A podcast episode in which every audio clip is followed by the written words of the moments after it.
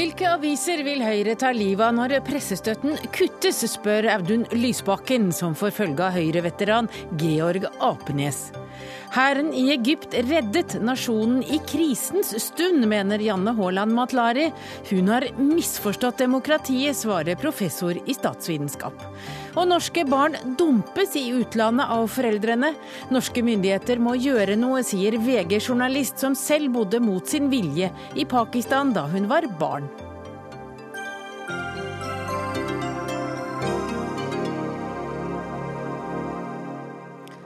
Ja, det er noen av overskriftene på denne dagens eh, utgave av Dagsnytt 18. Her møter du også toppleder, som mener toppledere bør tvitre, ha konto på Facebook og gjerne blogge. Og du møter menn som før vant priser for avslørende journalistikk, men nå helst blogger om fiskelykke og fin natur. Jeg heter Hege Holm, og vi starter altså denne sendingen i Europa. For i dag har det vært politiaksjoner mot nynazistiske miljøer flere steder i Europa. Fengselsceller, boliger, forretninger og kontorer i Sveits, Nederland og Tyskland ble tidlig i dag stormet av store politistyrker i en koordinert aksjon. Og utenriksmedarbeider Arnt Stefansen, du befinner deg i Paris, men hva vet du om det som har skjedd i dag? Ja, det er altså en gruppe som eh, eh blir kalt for varvervolf, eh, altså varulv på norsk, som eh, ifølge tysk politi eh, forbereder eh, terroraksjoner i Tyskland som har dramatiske planer om å rette angrep mot selve den tyske statsmakten, ifølge eh, de formuleringene som er brukt eh, i, pressemeldingen fra politiet.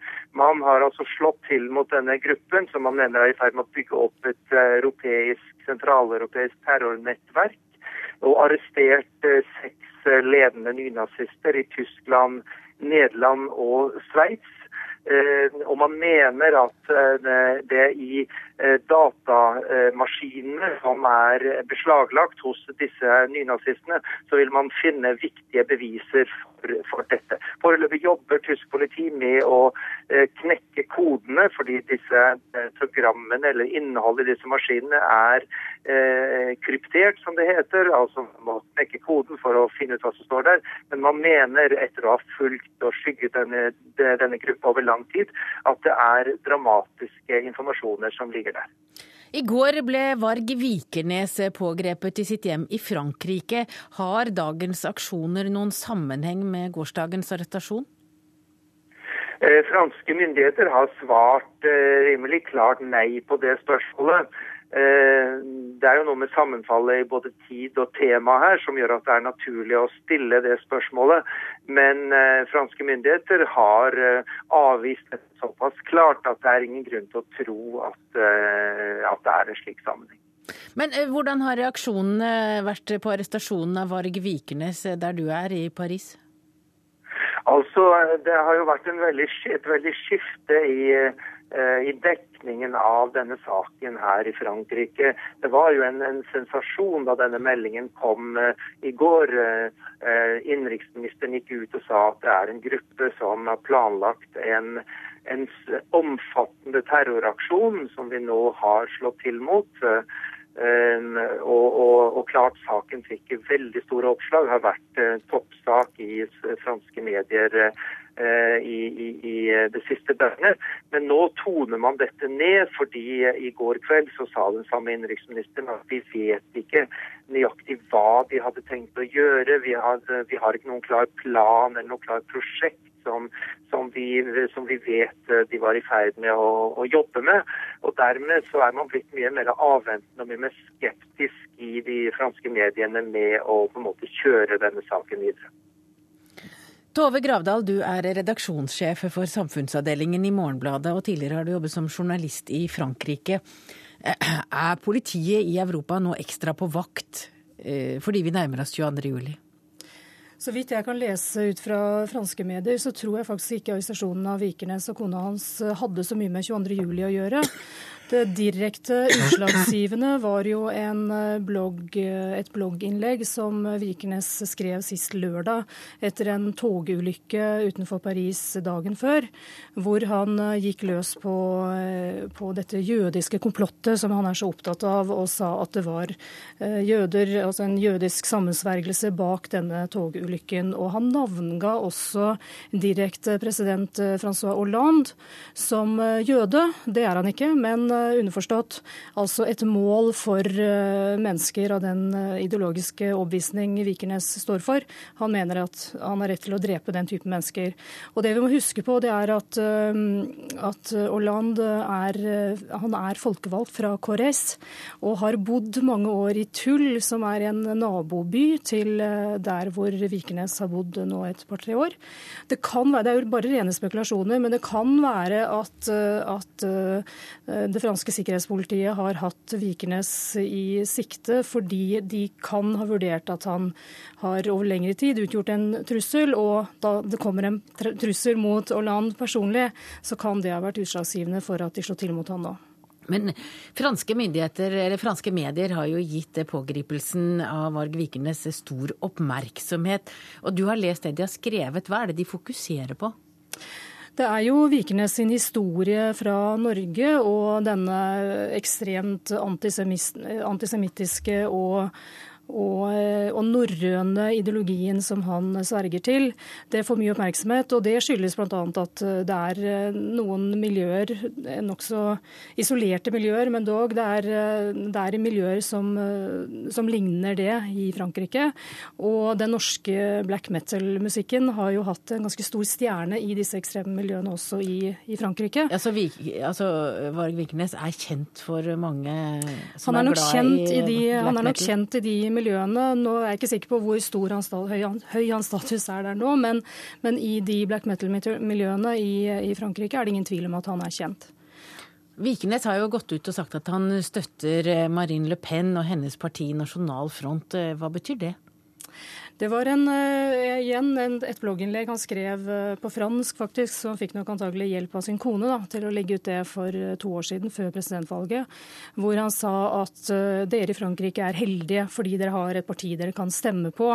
Og stem, gå ut og stem på, på Nasjonal Front. Stem på Marine Le Pen, hun er fantastisk, hun er den nye Jeanne d'Arc.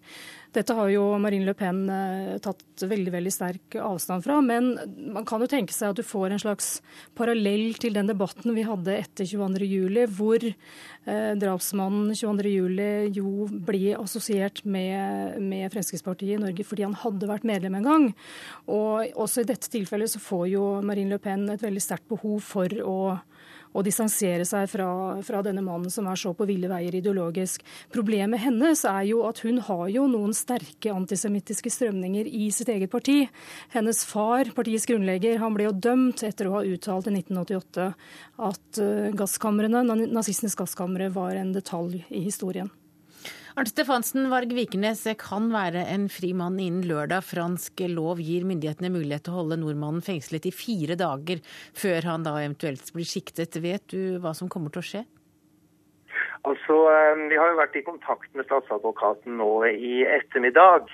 Eh, og eh, det man sier der, er at det har vært mye avhør i dag. Man fortsetter utspørringen av, av paret. Eh, og eh, at man foreløpig da eh, har håp om å kunne få til en siktelse. Men man vil ikke si om forhørene så langt har styrket eller svekket mistanken.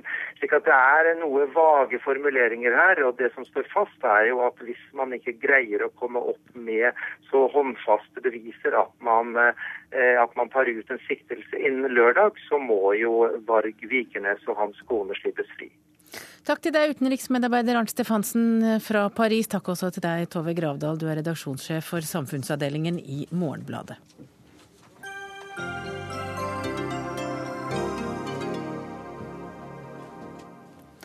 Hvilke aviser vil Høyre ta livet av hvis det blir en blå regjering etter valget? Det krever SV-leder Audun Lysbakken at velgerne skal få et klart svar på. Det skjer i dagens utgave av Klassekampen. Høyre vil altså kutte rundt 100 millioner kroner i pressestøtten, noe Kulturdepartementet har eh, regnet ut vil føre til at mellom 50 og 70 norske aviser vil forsvinne. Og blant de bekymrede er også Høyre-veteraner som Ingeborg Morus Hansen, Lars Roar Lang Langslett og Georg Apenes. Men vi starter med deg, Lysbakken. Hva er det du vil at Høyre nå skal si? Høyre har jo sagt at de vil kutte 100 millioner i pressestøtten. Jeg vil gjerne vite hvordan det skal gjennomføres. Fordi disse pengene brukes i dag til å eh, opprettholde en levende norsk offentlighet rundt om i landet i form av lokalavisene. I de store byene der pressestøtten sørger for at vi har mer enn én avis i flere byer, sånn som Bergen og Stavanger. Og til å opprettholde en bredere riksoffentlighet med meningsbærende aviser som Dagsavisen, Nasjonen, Vårt Land, Klassekampen. Det er en berikelse for demokratiet vårt. Det er viktig for at ulike stemmer kommer fram. Og jeg eh, er jo for det første veldig forbauset over Høyre sin politikk, fordi jeg trodde Høyre var et parti som ville ha en kulturbasert, verdibasert kulturpolitikk, og ikke en eh, sånn markedskommersialisert mediepolitikk. Men jeg syns velgerne har krav på å få vite hva slags aviser som kommer til å bli lagt ned eh, når dette kuttet skal gjennomføres. Hvem er det som skal ta kuttene? Er det lokalavisene, er det BA og Rogalands Avis, eller er det Dagsavisen, Nasjonen, Vårt Land, Klassekamp? Ja, Olemic Thommessen, du er mediepolitisk talsmann for Høyre. og og pressestøtten er på ca. 290 millioner. Og dere vil altså ta en tredel og fjerne fra pressestøtten. Hvilke aviser er det dere har tenkt å ta livet av? For noen må jo blø? Nå er det ikke sikkert at vi har tenkt å gjøre det. Det kuttet som har ligget inne i våre forslag til statsbudsjett, er jo basert på øh, en, gamle, det gamle systemet, eller det systemet som så langt har vært for øh, pressestøtte i Norge.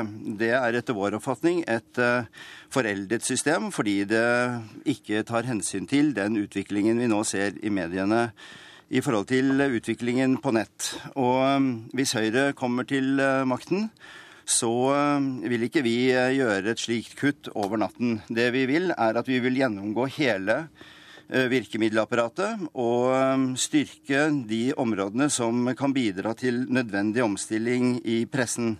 Det dreier seg om eh, endret momssystem. I dag er det null moms på papir, 25% på nett.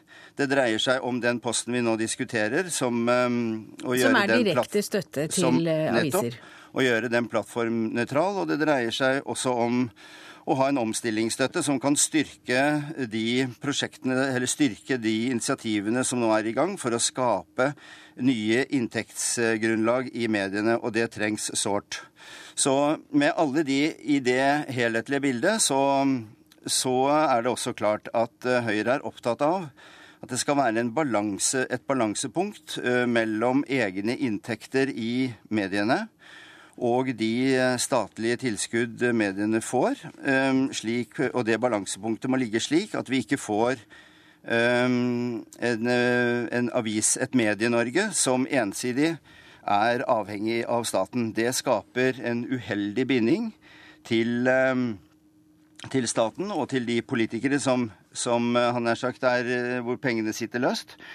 Um, og det er ikke et bidrag til å styrke de demokratiske uh, Men Thommessen, her sier du jo på en, en måte at du vil fjerne, du vil ikke gjøre mediene er avhengig av pressestøtte, samtidig som du ikke vil fjerne det. Men føler er, du at du ble klokere nå, Lysbakken? Nei, kan du oversette det, hva han svarte? Nei, Dette er jo et veldig uklart svar. For det første så uh, prøver Thommessen nå å skape, legge sånn teppe av uklarhet over om de i det hele tatt skal gjennomføre dette kuttet. Det er jo i så fall veldig bra, men da må de jo kunne si det tydelig før valget. Og hvis de skal gjennomføre et kutt uh, i størrelsesorden 100 millioner, som de har foreslått over natten for budsjettåret 2013, så må vi få vite hvordan det skal innrettes. Det er jo ingen som er mot at pressestøtten skal legge til rette for at også de mindre avisene i framtiden f.eks.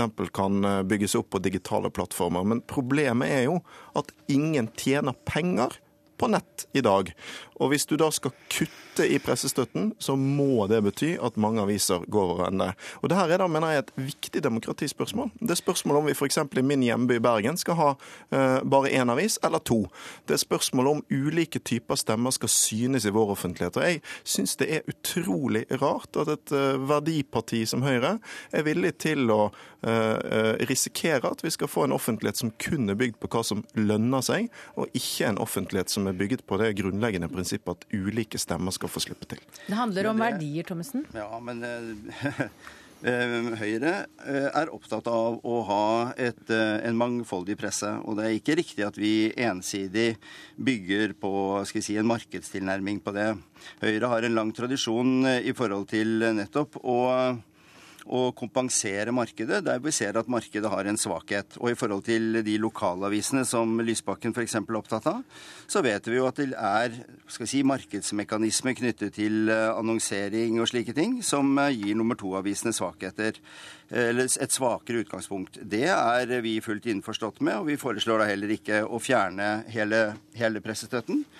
Eh, men vi har en strammere inngang til det. Og som sagt, det er et spørsmål om, om hvilke premisser som ligger i bunn. Problemet er at regjeringen altså har sittet i åtte år og egentlig ikke løftet en finger i mediepolitikken, til tross for at mediene har vært inne i en enormt stor endring.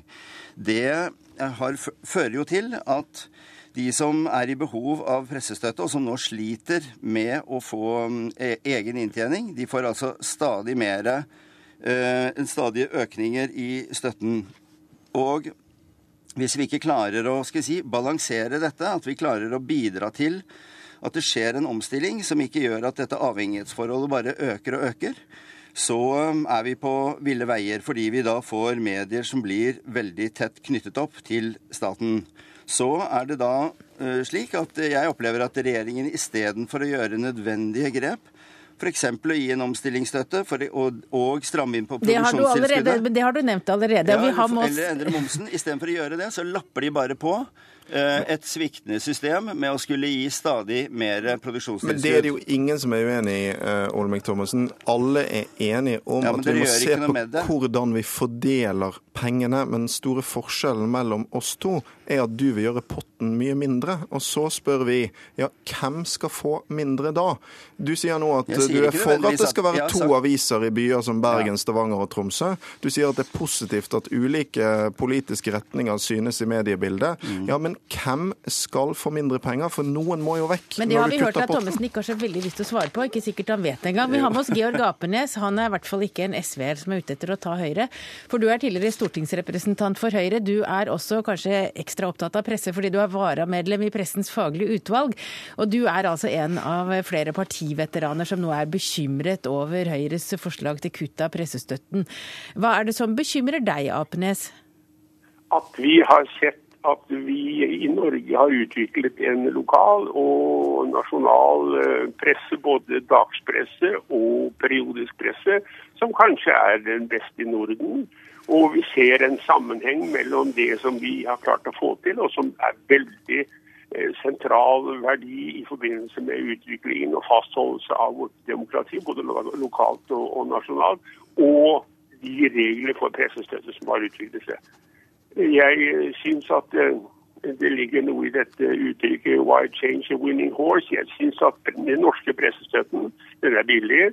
300 eh, millioner er ikke mye når man samtidig diskuterer å sette opp et, et vindskjevt eh, silo nede i Bjørvika som skal holde, inneholde, inneholde Munchs det er ikke Lambda vi diskuterer her, Apnes? nei, nei, jeg, du, har, du, har, helt rett i det. Men, men mitt poeng er at jeg syns at den norske pressestøtten har gitt oss en veldig bra presse. Og det er i fremtiden kommet til å kreve mer av journalister, av redaktører og av pressen vår. Og jeg er av dem som ikke tror at de elektroniske mediene, at de sosiale mediene uten videre kan gå inn og overta der vi kveler eller vi setter utfor stupet med, med, de gamle papirene. Du sukker tungt fra Lillehammer, Thommessen. Er dette et forslag dere ikke har tenkt så godt gjennom før dere kom med forslaget?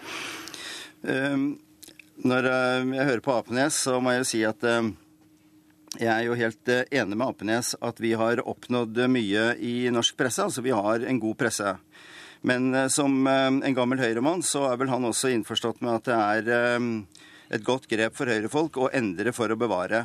Den store utfordringen vi står overfor nå, er jo hvordan vi klarer å videreføre skal si, den kvalitative journalistikken. De, de verdiene og den, skal jeg si yrkesstolthet som journalister i Norge har rundt sitt arbeid, og videreføre det inn i en digital tidsalder. Uh, det er altså sånn, hva enten vi liker det eller ikke, at uh, lesevanene endrer seg, og at nettbruken er sterkt økende. Og det må vi ta hensyn til. Og vi, Høyres intensjon med dette, med ny mediepolitikk som er plattformnøytral, er jo å ikke legge kjelker i veien for en slik utvikling. Nasjonen er et godt eksempel. Nasjonen har gitt klart, eh, gitt klart melding om at dagens pressepolitikk står i veien for den omstillingen de ønsker å gjøre. Og Det henger sammen med at uh, hvis de velger seg bort fra å prioritere papir ned og nett opp, ja, så pålegges de en ekstra moms på 25% for det som er nettbasert. Ehm, og eh, den produksjonsstøtten som de i dag får en ganske betydelig del av, eh, den vil, ehm, eh, den vil skrumpe ganske kraftig. Slik kan det ikke være. Vi må prøve å dreie dette og endre utviklingen i retning av at ehm, det er et likt utgangspunkt, og at avishusene i sitt arbeid med å fornye sine bedrifter og sin virksomhet kan fortløpende finne det balansepunktet som er, er, det beste. Da vil vi videreføre journalistikken. Du er, du er så lang i svarene dine her at det, ja, jeg kan ikke Men så har jeg sagt hundre ganger at vi kommer ikke til å gjøre det ikke over natten. Er det ikke bra at den eh, får litt sånn uh, rakett i rumpa for omstilling også i mediehusene, da, Apnes? Jo, men det syns jeg nok til langt på vei bør være opp til mediehusene selv å bestemme både fart og retning i. Jeg syns at det hittil har vist at det har gått ganske bra, og at man da sitter i, i direksjonen i Nasjonen og teller på knappene og vil gjøre andre ting. Det er vel og bra. Så får de komme tilbake da til sine forslag. Men når jeg, når jeg hører på Thommessen, så er det jo nærmest som at han argumenterer for at en konservativ utgangspunkt i, i det som ser på samfunnet Eh, der, der, er det viktig å forandre for å bevare. Jeg syns at eh, han måtte artikulere seg på nærmest at han, bevarer, han, han forandrer for å forandre. Og det syns jeg er en en eh, ting som må etterprøves gjennom erfaring. Så får man jo også se hvordan dette går da. Men jeg har ingen tro på at de elektroniske mediene, uansett om de signeres av en avisredaktør eller en redaksjon, at de vil kunne i den demokratiske prosess vil kunne uten videre erstatte den papirfloraen vi har i dag. Vi vil få store endringer i avisverden, men det store spørsmålet er hvem er det som kan ta den byrden det er å utvikle ny teknologi. Jeg tror det er Murdoch og det er VG, det er de store aktørene. Nå tjener ingen penger på nett. Heller ikke Nasjonen. Jeg tror de ville mislike veldig sterkt å bli skjøvet fram av Thommessen for Høyre sin eh, kuttpolitikk. Hans omstillingsstøtte det vil i dag være en avviklingsstøtte for å få disse avisene over på en digital plattform der de ikke kan tjene penger, og der de derfor vil gå konkurs. Den store forskjellen her er at Høyre vil kutte kutte i pressestøtten på en måte som vil føre til avisdød. Er bare å registrere at det er umulig å få et svar på hvilke aviser de har tenkt skal ryke. Det syns jeg er synd, for dette er et viktig demokratispørsmål, et viktig kulturspørsmål. Vi har i hvert fall luftet det her. Takk til deg, Audun Lysbakken, du er leder i SV. Takk også til Olemic Thommessen, kulturpolitisk talsmann for Høyre, og Georg Apenes, en bekymret Høyre, tidligere Høyre-politiker eh, fra Moss.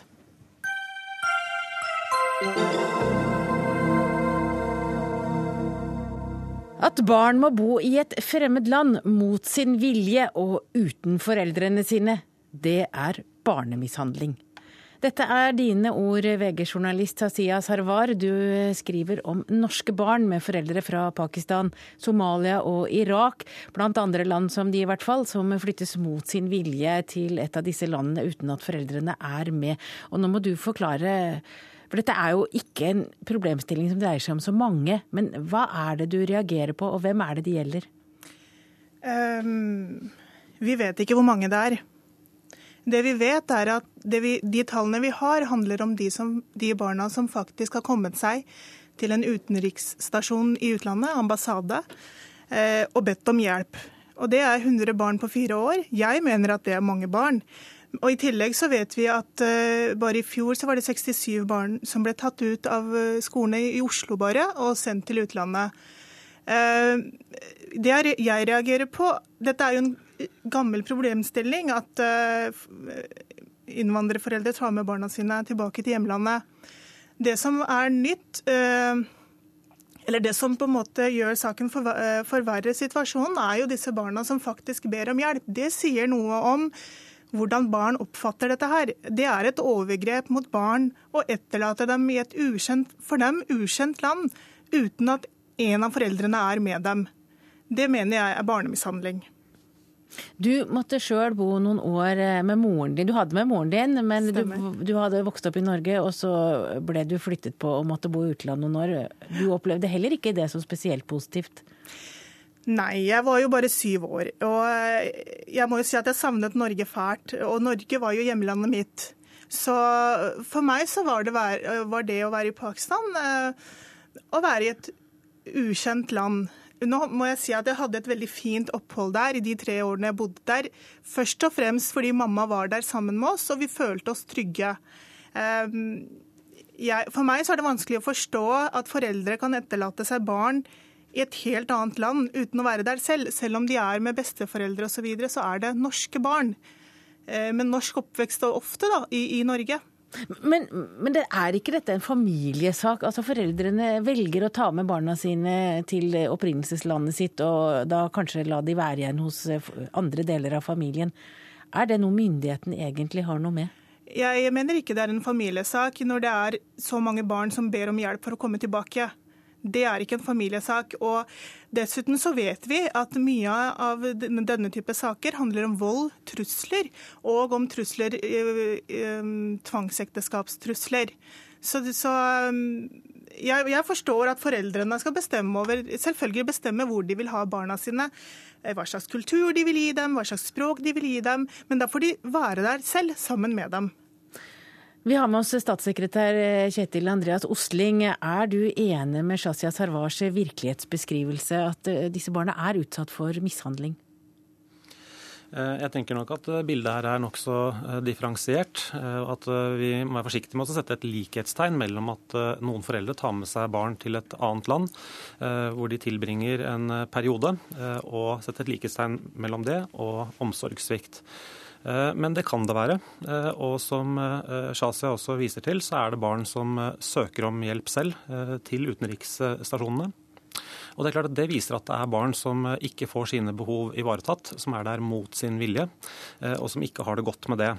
Vi har også studier som viser at en del av de barna som har tilbrakt lang tid i utlandet og kommer tilbake til det norske samfunnet, har gått glipp av viktige deler av skolegangen, har vanskeligheter med å ta igjen eh, det tapte.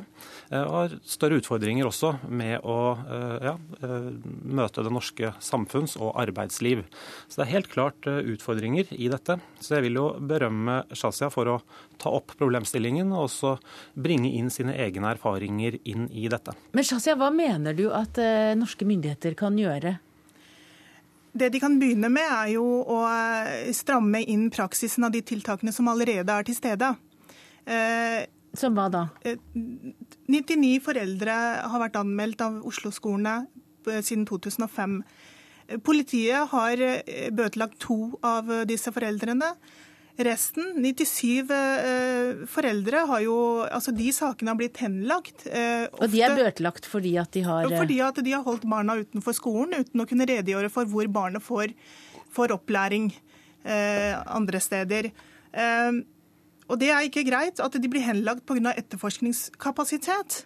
Eller at man ikke engang har giddet å svare på anmeldelsene fra Oslo-skolene. Nå ba vi politi, eller spurte om politiet ville være med i sendinga, men de hadde ikke anledning til å være med i dag, så de kan ikke forsvare seg her Nei. i studio. Men, men, hva mener du at politikerne kan gjøre?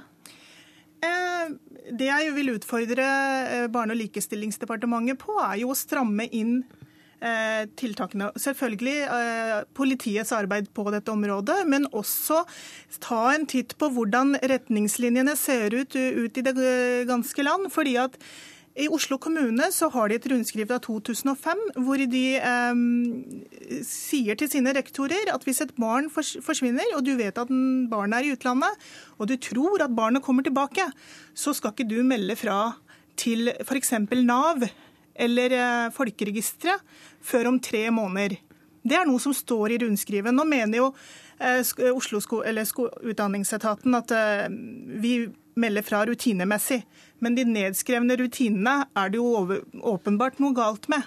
Fordi at så lenge, ikke vi, så lenge ikke de reglene som allerede er der, sånn som dette er med melding til Nav, fordi at Nav stopper da barnetrygden. Og det kan være en ganske stor insentiv for disse foreldrene, for det vet vi fra andre saker som handler om tvangsekteskap. Ostling, hva kan dere gjøre? Hvor kan dere gripe inn i slike saker hvor det da er eh, Det kommer en mistanke om at eh, foreldre har eh, sendt barn til utlandet og latt de være der alene? Mm. Nei, eh, det er klart at Først og fremst vil jeg bare slå fast at eh, barns rettigheter eh, de skal ivaretas. Og barns meninger de skal bli hørt og tatt hensyn til. Og når, klart at når barn blir flytta til et annet land mot sin vilje og har det vanskeligheter med det, så er det klart at det kan utfordre menneskerettigheter, og ikke minst også barnas egne rettigheter i Barnekonvensjonen. Det er klart, jeg syns det er legitimt å diskutere om myndighetene, om ulike instanser kan gjøre mer. Men jeg ville ha min fulle rett til å flytte barna mine hvor, hvor som helst, uten at eh, myndighetene blander seg inn? Du har eh, i utgangspunktet det, hvis det skjer eh, på den måten det skal gjøres, at det meldes fra til myndighetene, og at barnet er under gode omsorgsbetingelser og kan nyttiggjøre seg skolegang. og Det legges til rette for at tilbakegangen til Norge, hvis den er planlagt, skjer på en god måte, så har man jo lov til det. Eh, men eh, det er klart, regjeringen eller myndighetene gjør ganske mye. Eh, vi har jo da nylig, eller i år, lagt fram en handlingsplan som er gjeldende for 2013 og fram til 2016, som nettopp tar for seg tvangsekteskap, som blir nevnt her, kjønnslemlestelse, men også dette med alvorlige begrensninger av unges frihet. Og det rommer jo selvfølgelig også barn som etterlates i andre land. Og så har vi etablert en ordning med minoritetsrådgivere ved 26 skoler, som har høy andel elever elever med minoritetsbakgrunn. Eh, fordelt rundt i åtte av landets eh, fylker. Det er 30 stykker av dem, og som gjør en viktig jobb, som har kompetanse på dette. Eh, og som kan fange opp tidlig, være i dialog med barna selv, med skolen og ikke minst foreldrene, som er selve nøkkelen her. Men, men Også, ja. Shatia, altså du, du, sier at dette her er noe som forekom i ditt miljø, i det pakistanske miljøet tidligere, men nå er det, nå er det ikke så mye av det lenger. Hvordan, hva har skjedd? Jeg vil først bare si at eh, de minoritetsrådgiverne de er på ungdomsskoler, og noen få ungdomsskoler, men mest videregående skoler. Når jeg snakker om eh, Oslo-skolene og dette her, så snakker jeg om grunnskoler. Og så vil jeg også på en måte utfordre Barne- og likestillingsdepartementet på dette her med skolens rolle. Fordi at barnevernet har faktisk anledning, når barnevernet får melding om at et barn er eh, etterlatt i utlandet, så skal, eh, så skal, barnevernet umiddelbart sjekke om de har en sak på dette barnet hos barnevernet. Og Der tror jeg man faktisk kan gå et skritt lenger. Og hver gang skolen får en melding at, eh, fra foreldre som sier at denne ungen er i utlandet og får skolegang der, så burde det gå en melding til barnevernet barnevernet. Det gjør det ikke i dag. fordi at Med en gang skolen får det brevet fra foreldrene, så er saken avsluttet. Og Der mener jeg man faktisk kan gjøre noe. Og så dette her med hva som har skjedd i det pakistanske miljøet. Ja, for det er, det er, jo et kulturelt problem, dette her. At man ikke helt forstår hvorfor det er så viktig at barna skal gå ferdig skolen i Norge. Um, jeg vet ikke om det er et kulturelt problem. fordi Det finnes flere årsaker til at foreldrene velger å gjøre dette her. For det ene, som, også kan være legitim, dette her med at de vil ha, eh, gi dem pakistansk, eller sin kulturelle bakgrunn og lære dem morsmålet. Eh, selv om jeg mener at det er feil å ta unger ut av norsk skole og la dem gå noen år i utlandet for så å ta dem tilbake. Men de, det er mange som bruker opprinnelseslandet som bootcamp hvor de, hvor de, skal på en måte forhindre at barnet blir for norske, eller at unger som er i problemer, skal komme seg unna. Det, det mener jeg er problematisk. Og ting har endret seg i det pakistanske miljøet, men, men det skjer fortsatt der også. Lenger kommer vi ikke i denne saken i dag. Takk til dere, Shazia Sarwar, kommentator i VG, og Kjetil Andreas Ostling fra Barne- og likestillingsdepartementet.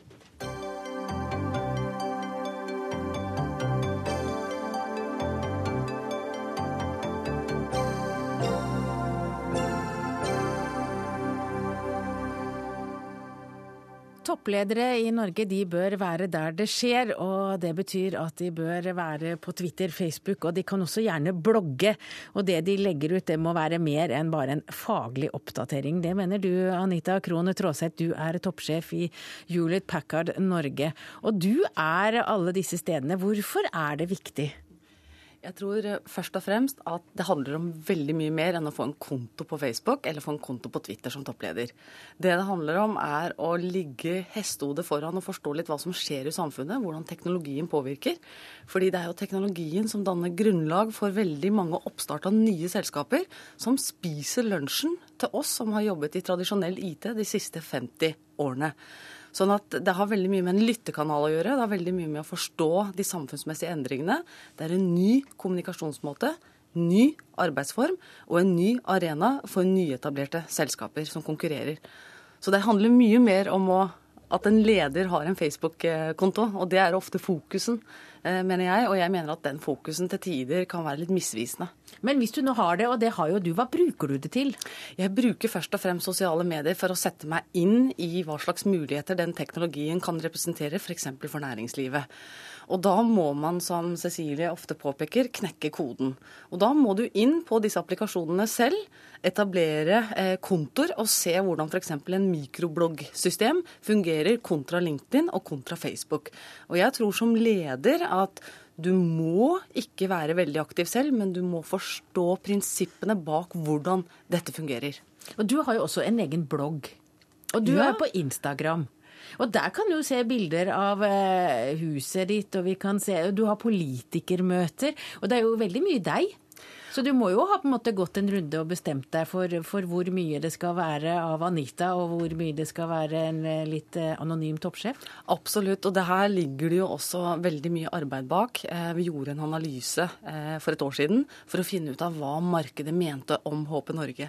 Og de var veldig tydelige på at vi måtte bli mer synlige og mer klare, være mer aktivt til stede i de offentlige debattene rundt f.eks. digitalisering av det offentlige Norge. Jeg som privatperson har brukt bloggingen som et personlig prosjekt. Jeg bruker det for å reflektere, fordi jeg er veldig glad i å skrive. Jeg er ikke så innmari glad i å jogge og trene, mens andre ledere bruker tid på å trene på Birken og jogge en time hver eneste kveld. Jeg bruker gjennomsnitt halvannen time hver 14. dag på bloggen. Så dette er ikke så tidskrevende. Det er litt hva, hva slags rom og sted du trenger for å reflektere. Noen må gå i skogen, jeg må skrive. Du har 400 ansatte. Hva sier de om det du holder på med? Det er klart at det er blanda tilbakemeldinger fra mine kolleger, men helt klart en, en, mer enn en kritisk masse syns at dette er positivt. Foreløpig så har det ikke vært noen saker som har skadet merkevaren til håpet negativt. Og du fikk er... mye pepper etter at, vært, etter at du hadde møtt Märtha Louise og hørt foredrag om englene? Jeg, jeg, fikk ikke så mye pepper for det, men jeg tror altså, når du tenker at det var 35 000 unike lesere som leste det blogginnlegget, så er det klart at det har med en, en, debatt å gjøre, fordi det er kongelige. Men jeg hadde en refleksjon som, på, som handler om ledelse å gjøre, og det å ikke dømme. Det at vi så veldig lett leser overskrifter, og så tar vi en konklusjon. Og når jeg satt der og faktisk hørte innlegget hennes og så presentasjonen, så ble jeg sjøl tatt på senga. Og det tenkte jeg skulle være litt ærlig og oppriktig om, og fortelle at vet du hva, jeg er akkurat lik som dere, jeg dømte det nord og ned, men jeg har en større forståelse for det nå, hva som ligger bak, og jeg definerer det som en metafor. Eh, ikke nødvendigvis som at det er engler hvor forskere er nødt til å ta DNA-tester av englefjær. Eh, det syns jeg er å gå for langt. Cecilie Staude, du er høyskolelektor ved Handelshøyskolen BI, og du har forsket på sosiale medier. Er Anita Krohn Traaseth en enslig svale, eller er hun en del av flokken? For det første så må ikke toppledere være på Facebook. De må heller ikke være på Twitter, og de behøver ikke en blogg for å nå frem med sitt budskap de, fortsatt fungerer de tradisjonelle mediene eh, veldig godt for de aller fleste. Det handler om leserinnlegg i avisa, det handler om e-poster, det handler om, handler om allmøter, det handler om tradisjonelle måten å kommunisere på. Men faktum er at kommunikasjonsvanene til de aller fleste av oss, og det gjelder det brede laget av folket, de er jo i ferd med å endres. Og det, den endringen innebærer at toppledere, politikere og andre som ønsker å være i dialog med andre mennesker, i større grad må dele seg opp i kommunikasjonen. For noen ønsker da å møte deg i tradisjonelle medier, andre ønsker å møte deg i, på de sosiale mediene. Eh, og det handler om en erkjennelse at du i mye større grad må møte de du eh, har lyst til å komme i kontakt med, på de arenaene der de er. Og dette gjelder jo spesielt de unge. Selv om det er en tendens vi ser i alle aldersgrupper, så er det spesielt de unge som ønsker å treffe næringsliv, toppledere, politikere på de sosiale mediene. For det er de kanalene de bruker. Men så er det jo spørsmålet om å være der. Det er veldig mye snakk om ja. å være der. Men, ja. men, når man nå er der, hva gjør man da? Mange er jo der i dag. Mange toppledere er i sosiale medier. Eh, de færreste er sånne som Anita. Nå syns jeg ikke heller Anita er liksom et det er ikke sånn det behøver å være heller. Eh, Man må jo finne sin form. Men jeg tror det blir viktigere for både toppledere og andre å være til stede på de sosiale mediene. For flere og flere av oss bruker de kanalene fremfor andre til å holde seg oppdatert eh, om, om saker og ting. Og jeg tenker for toppledere eh, som, som, knekker den koden da, som Anita snakket om, og som skjønner hvilket potensial de sosiale mediene har for å bygge relasjoner, f.eks til fremtidens eh, ansatte, som jeg syns Anita og HP er et veldig godt eksempel på. Kommunisere med fremtidens eh, medarbeidere, bygge relasjoner, og det vil garantert få uttelling i rekrutteringsprosesser i, i, HP. Ja, for Du snakket om dette også på radioen her sommer i P2 på mandag. Og, og Da snakka du om at du er på sosiale medier også for å tiltrekkes de du vil ha, for det er konkurranse om de medarbeiderne du er ute etter. Hvordan skjer det? Oppdager de deg, og så blir de interessert i HP? Jeg tror at det som du nevnte i stad, at jeg er på Instagram, at jeg deler, jeg viser også deler av mitt personlige liv. Men jeg mener jo at jeg drar en ganske sterk linje mellom å være privat og det å være personlig. Og når jeg en, eh, gir et innblikk i mitt personlige liv, så betyr det at jeg, at jeg deler mine refleksjoner rundt hva jeg mener om f.eks. et fag eller et emne.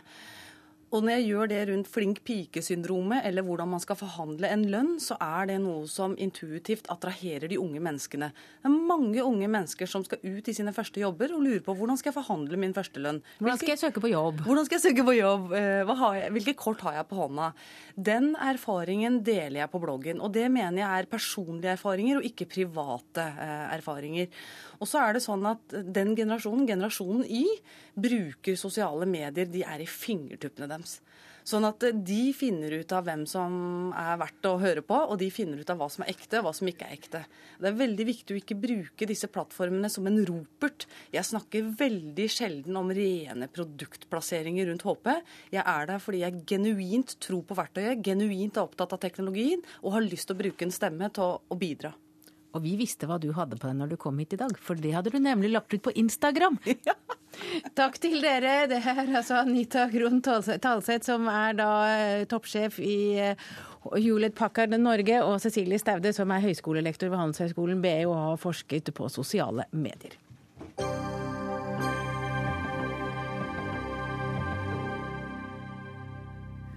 Da skal vi ut i verden igjen, for var maktovertagelsen i Egypt var det et statskupp, eller var det ikke det? Debatten har pågått i Dagens Næringsliv de siste ukene, og generalsekretær i Europarådet, Torbjørn Jagland, er en av de som mener at det er viktig å si at det var et statskupp, mens andre, deriblant regjeringen, vil ikke kalle det for et kupp. Janne Haaland Matlari, du er professor i statsvitenskap ved Universitetet i Oslo. Du leste Jaglands kronikk i Aftenposten som hadde overskriften overskriften 'Det har vært et statskupp i Egypt'. Og du likte ikke det du så. Hvorfor det? Ja, jeg skrev en kronikk eh, hvor jeg eh, kritiserte den ensidige opptattheten av stats- eller militærkuppet. Og jeg skrev også der at eh, formelt sett så skjedde det jo en militær maktovertakelse, det er ingen tvil om det.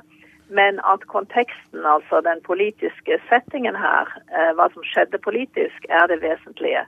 Eh, og det vil alltid være omstridt, disse begrepene revolusjon, statskupp, eh, hva som skjer. Slik at eh, Derfor må vi analysere dette. Og jeg sa at Jagland, som er, har en unik stilling i verden som leder av Europarådet, han burde være opptatt også av den udemokratiske utviklingen som skjedde etter valget, ikke bare ensidig av at valgprosessen ga en regjering, og så ville folk ikke lenger ha den regjeringen. Han burde se på hvorfor det skjedde. For jeg mener det var en reell eh, umulighet nesten å få til en, et nyvalg. Det var såpass totalitært etter et års tid. Slik at vi må se denne militære biten i dette i den politiske konteksten. Og Egentlig så skulle vi jo hatt Europarådets generalsekretær Torbjørn Jagland her, men han hadde ikke anledning. Isteden har vi deg her, William Lafferty. Du er professor i statsvitenskap ved Universitetet i Oslo. Og du er enig med Jagland du om at det er viktig å kalle maktovertagelsen i Egypt for et kupp. Hvorfor det? Nei, Jeg tror at eh, spørsmålet om det var et kupp eller ikke, er relativt eh, lite viktig i denne sammenheng. Fordi begge de to av disse debutantene, både uh, Hola Matlari og, Jagland innrømmer at det sannsynligvis definisjonsmessig sett var et, et kupp. Uh, militært kupp, eller, eller, hva du vil kalle det. Og, det. og, da er de selvfølgelig enige med omtrent 90% av alle kommentarene i verden som jeg har sett. Så det som er for meg er hovedspørsmål, er eh, både når det gjelder innlegget fra Holland Matlari, det er både stilen Eh, og, og, på basis av en veldig vanskelig vurderingsproblematikk. Eh, når er demokrati til stede eller ikke til stede, så går man så hardt ut mot en type som Jagland, som eh, er nødt til å rett og slett håndtere evalueringsspørsmål ut fra relativt konsensuelle eh, prinsipper om demokratiske prosedyrer. Og det, det, som eh, jeg mener er, er problematisk med Matlaris uh, uh, holdning og, perspektiv der, er at hun sier helt klart at det er mer viktig å vurdere substansen i en demokrati enn prosedyre. Det er litt på kant med stort sett alle diskusjoner som jeg er kjent med. Eh, og også er det en diskusjon om folket, hennes eh, forståelse av folket. At, at man eh, kan egentlig nesten egenhendig vurdere når er folket legitimt, når er folket virkelig demokratiets røst, og den type ting. Hvordan kan du vite ja, det, Jan? Ja? ja, jeg vil gjerne svare på de, de to innvendingene. Eh, for det første så er jo eh, empirien eller faktaene fra Egypt eh, veldig tydelige på at det er et, en oppstand som er helt spesiell. Altså Dette begynte jo med en jeg vil kalle en revolusjon, altså et ønske om demokrati i, i 2011. I 20, altså styrte Mubarak, og det skjedde jo. og det fortsatte etter etter da, dette første demokratiske valget, hvor det var en knepen majoritet for denne Morsi-regjeringen ut fra valgløfter som var helt annerledes enn eh, en den totalitære utviklingen som da kom. Eh, slik at eh, Det man ser av kommentatorer, er jo at selv de på venstresiden og de liberale er nå veldig fornøyd med at det er en ny start, på en måte. Slik at eh, hvem som er folket, det vil jo vurderes i, ut fra fakta på bakken. Og man vil alltid ha noen som f.eks. Ungarn 1956, var det en kontrarevolusjon som sosialistene og kommunistene sa, eller var det en ekte revolusjon som eh, folk som gikk ut i gaten og sloss, sa det var. Og det er den siste versjonen som er eh, allment akseptert i dag. Slik at uh, det vil alltid være et problem kan man ikke få en fredelig nyvalg eller et, et Eh, en ny prosedyre. Denne militære sjefen som, som ledet, leder hæren, tilbød Morsi et, eh, en folkeavstemning om han skulle fortsette, noe Morsi ikke ville ha. Som, så det var, altså, det var ikke enkelt å finne en løsning, tvert imot. Så jeg vil jo si at uh, det er ikke bare valget, altså en valgprosedyre. Et valg kan være nokså manipulert. Et valg Eh, som ikke, som, hvor de som velges bryter sitt mandat, sin samfunnskontrakt, eklatant, som i dette tilfellet, er jo da ikke et legitimt valg i etterkant. Eh, så altså det er ikke noe svar på dette annet enn at man må se på hvert tilfelle. Eh, men det som jeg syns professor Lafferty tar helt feil i, det er jo dette er det noe reelt demokrati? Er det kriterier for hva et demokrati er? Og jeg sier at ja, det er det, og det er det spesielt i organisasjoner som Europarådet.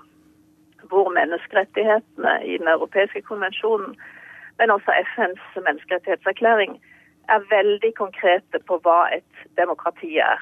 Og du siterer da eh, Lafferty eh, sier, du siterer en lærer som sier hver gang jeg hører noen snakke om real democracy, har jeg lyst til å hente skyteren min. Og det er jo da ikke et kurs i militærkupp du gikk på den gangen, men det er altså et kurs i demokratiteori. Eh, og det, det, må jeg si er, det er jo helt feil i dag, fordi vi kan definere hva et demokrati er substansielt mye klarere enn noensinne før ja, Lafferty, nå har vel dere gått i mye den samme skole, men eh, det er tydelig at definisjonen definisjonene er forskjellige? Lafferty var min, eh, min, veileder på magistergraden. Nei, men det er, det er, helt på det rene at det har gjennom hele demokratiteoris forsøk på å konkretisere standarder. Og det er det som vi snakker om her. Vi snakker om evalueringen. Ikke om å forstå eventuelt hva som skjer der nede, men å stemple det. Er det demokratisk eller ikke demokratisk? Og da har man over lang tid hatt store problemer å bli enig om de mest enkle standarder. Men man har omsider kommet fram til det som Robert Dahl i USA kaller for procedural democracy.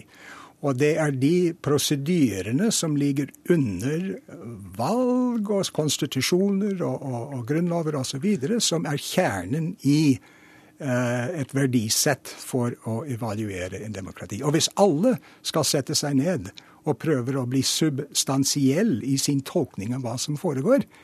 Da har vi jeg mener, uh, Iale Matlari bruker uttrykk som f.eks. at uh, om folket at uh, Hun sier at Herren reddet nasjonen i krisens stund, basert på den reelle folkeviljen.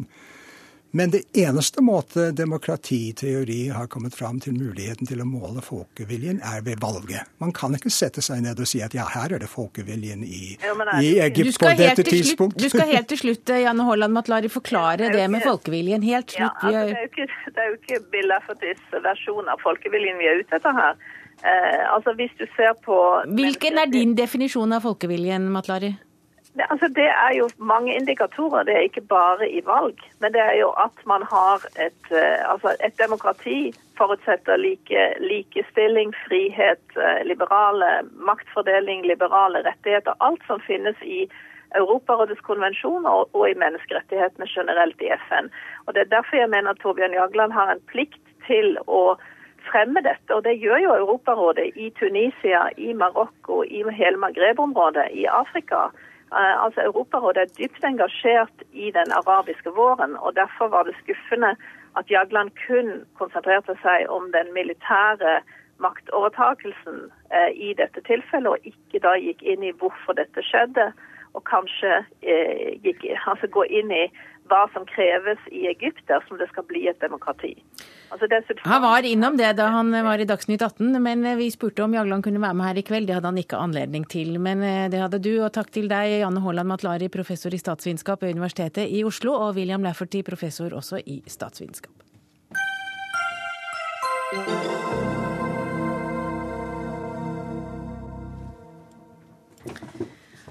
Tidligere i år så bestemte to erfarne journalister, Kjetil Østli og Simen Tveitereid, seg for å forlate dags- og ukepressen for å starte sitt eget nettmagasin. Det skulle hete Harvest, og det skulle handle om mannen og naturen. Her har de tenkt at de skal skrive om menneskets forhold til naturen. Men Cornelia Christiansen, du er journalist i Dagbladet, og du har nå irritert deg over at eh, dine kollegaer valgte en slik karriere. Du har til og med irritert deg så mye at du har skrevet en kommentar i avisen din hvor du mener at de to nevnte herrer bør komme seg tilbake til byen og gjøre det de er flinke til. Hvorfor det? Nei, altså Det begynner jo med at jeg da, da jeg var 15, øh, åpna Aftenposten hver eh, helg. Og da var det stort sett ofte én sak som jeg tenkte den saken skal jeg lese.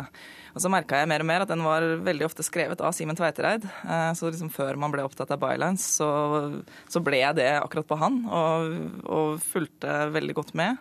Og etter hvert fikk jeg samme forholdet til Kjetil Østli, som jeg alltid leste med stor glede. Og til og med da jeg begynte å selv jobbe i Oslo Puls eh, og fikk høre at han hadde skrytt av meg en gang, så begynte jeg å skryte av det til folk på byen sånn et par ganger. Eh, liksom, skikkelig blodfan? Ja, jeg var skikkelig Jeg var det, altså. Men du liker ikke Harvest? Nei, altså eh, Jeg har liksom fulgt de Ja, det var litt sånn jeg har fulgt de, og så er du på en måte spent på hva som er det neste. Og så ble jeg litt sånn Da jeg så det nettsiden, så tenkte jeg jaha, OK. Og så har jeg fulgt med, og så har jeg bare blitt mer og mer irritert. Så jeg bare sånn OK, dere dropper, dere dropper ukepressen for det her.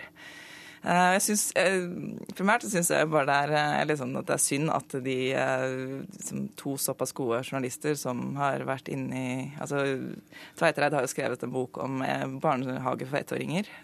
Østli har jo sist skrevet veldig gode saker om rettssaken mot Breivik, hvor han liksom klarer å kombinere det emosjonelle med litt sånn overordna samfunnsmessig blikk. Så det er liksom og nå kaller du Harvest for en rosa blogg for menn. Ja, jeg gjør det.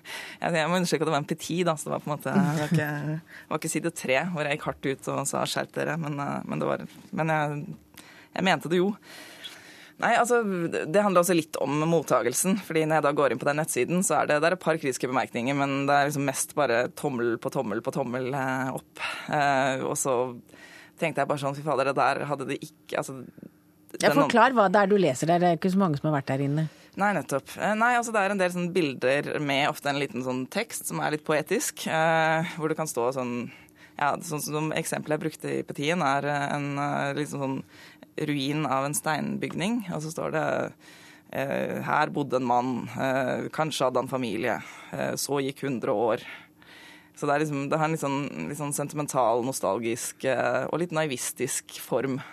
Eh, det er også en annen som er da de har lagt ut en, et lydopptak av bølger som slår inn på en steinstrand, hvor det da står Harvest dokumenterer 'Havet maler stein til vann'. Og Da får jeg litt sånne assosiasjoner til den, den der scenen i American Beauty hvor han litt rare gutten går og filmer en pose som liksom, vinden leker med. Eh, så blir jeg litt sånn Kom igjen, gutta. Eh, er det, er det, her det dere vil bruke de neste da, fem åra av livet deres på? Simen Tveitereid, eh, du har i hvert fall skuffet så langt et blodfan, og kanskje flere andre også. Du er jo forfatter, du er journalist, og du er medeier av nettmagasinet Harvest.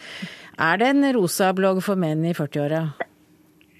Nei, det er det ikke, og det skal det ikke bli. og på Cornelia så høres det ut som vi har holdt på lenge, men det har vi jo ikke. Vi har faktisk ikke begynt ennå. Vi har ikke lansert selve nettmagasinet og nettstedet Harvest. Ja, Men vi har da funnet det på nett i dag, og vi har da sett på ja, både bilder nei, og tekster? Det er, det er bare en Facebook-side hvor vi annonserer og reklamerer litt med små, morsomme tekster for det som skal komme. Og vi uh, takker for den store interessen som har vært for det vi har gjort det nå. Men det er jo ikke dette her som er prosjektet. Det som er prosjektet, er å skrive om menneskets forhold til naturen. Og finnes det noe viktigere prosjekt nå i den tilstand som eh, verden befinner seg i, det, det vil jeg jo returnere til eh, Dagbladets journalist som kaller oss for rosabloggere og skriver i, i Dagbladet. Hun burde kanskje heller spørre seg selv hva som har skjedd med Dagbladet, istedenfor hva som har skjedd med Østlige Ja, nå snakker vi ikke om Dagbladet i dag, nå snakker vi om dere. dere... ja.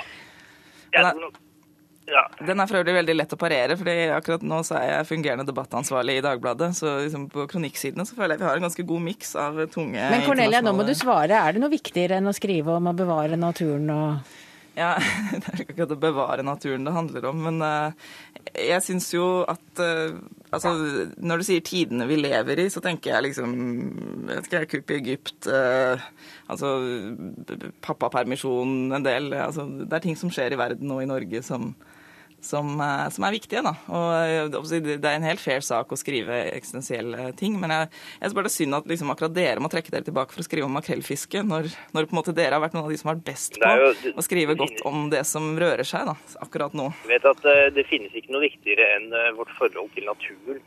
Miljøet er jo, er jo vår tids store prosjekt, og det er ingen som greier å få det på dagsorden. og Derfor har vi satt oss det enormt ambisiøse mål å prøve å å få dette litt høyere opp, få folk til å snakke om det miljøet og vårt forhold til naturen på et dypere plan. Og vi skal skrive om natur på en helt annen måte enn andre har gjort. Ikke hva du skal ha i sekken, ikke de råeste ekspedisjonene, ikke turtips hit og dit. Vi skal skrive med tenkning og undring og filosofi i bagasjen når vi gir oss ut i naturen. På den måten kanskje øke folks lyst til å komme seg ut, og, og også starte å tenke over hva er det egentlig, Hvorfor eh, lever vi, hvorfor er vi på denne planeten? Hva skal vi med all denne velstanden? Hvor er vi på vei? Cornelia Kristiansen, du, du, kommer til å lese dette også? Ja, selvfølgelig kommer jeg til å følge med på det. det og så får du rope ut Du kommer til sikkert til å få spalteplass til å rope ut senere, men nå er eh, denne spalteplassen den lukker, for eh, vår sending er over. Takk til Cornelia Christiansen, fungerende debattansvarlig i Dagbladet, og Simen Tveitereid, journalist og forfatter. For vår sending er eh, nemlig over. Ansvarlig var Dag Dørum, tekniske ansvar hadde Finn Lie, jeg heter Hege Holm, og vi høres igjen i morgen.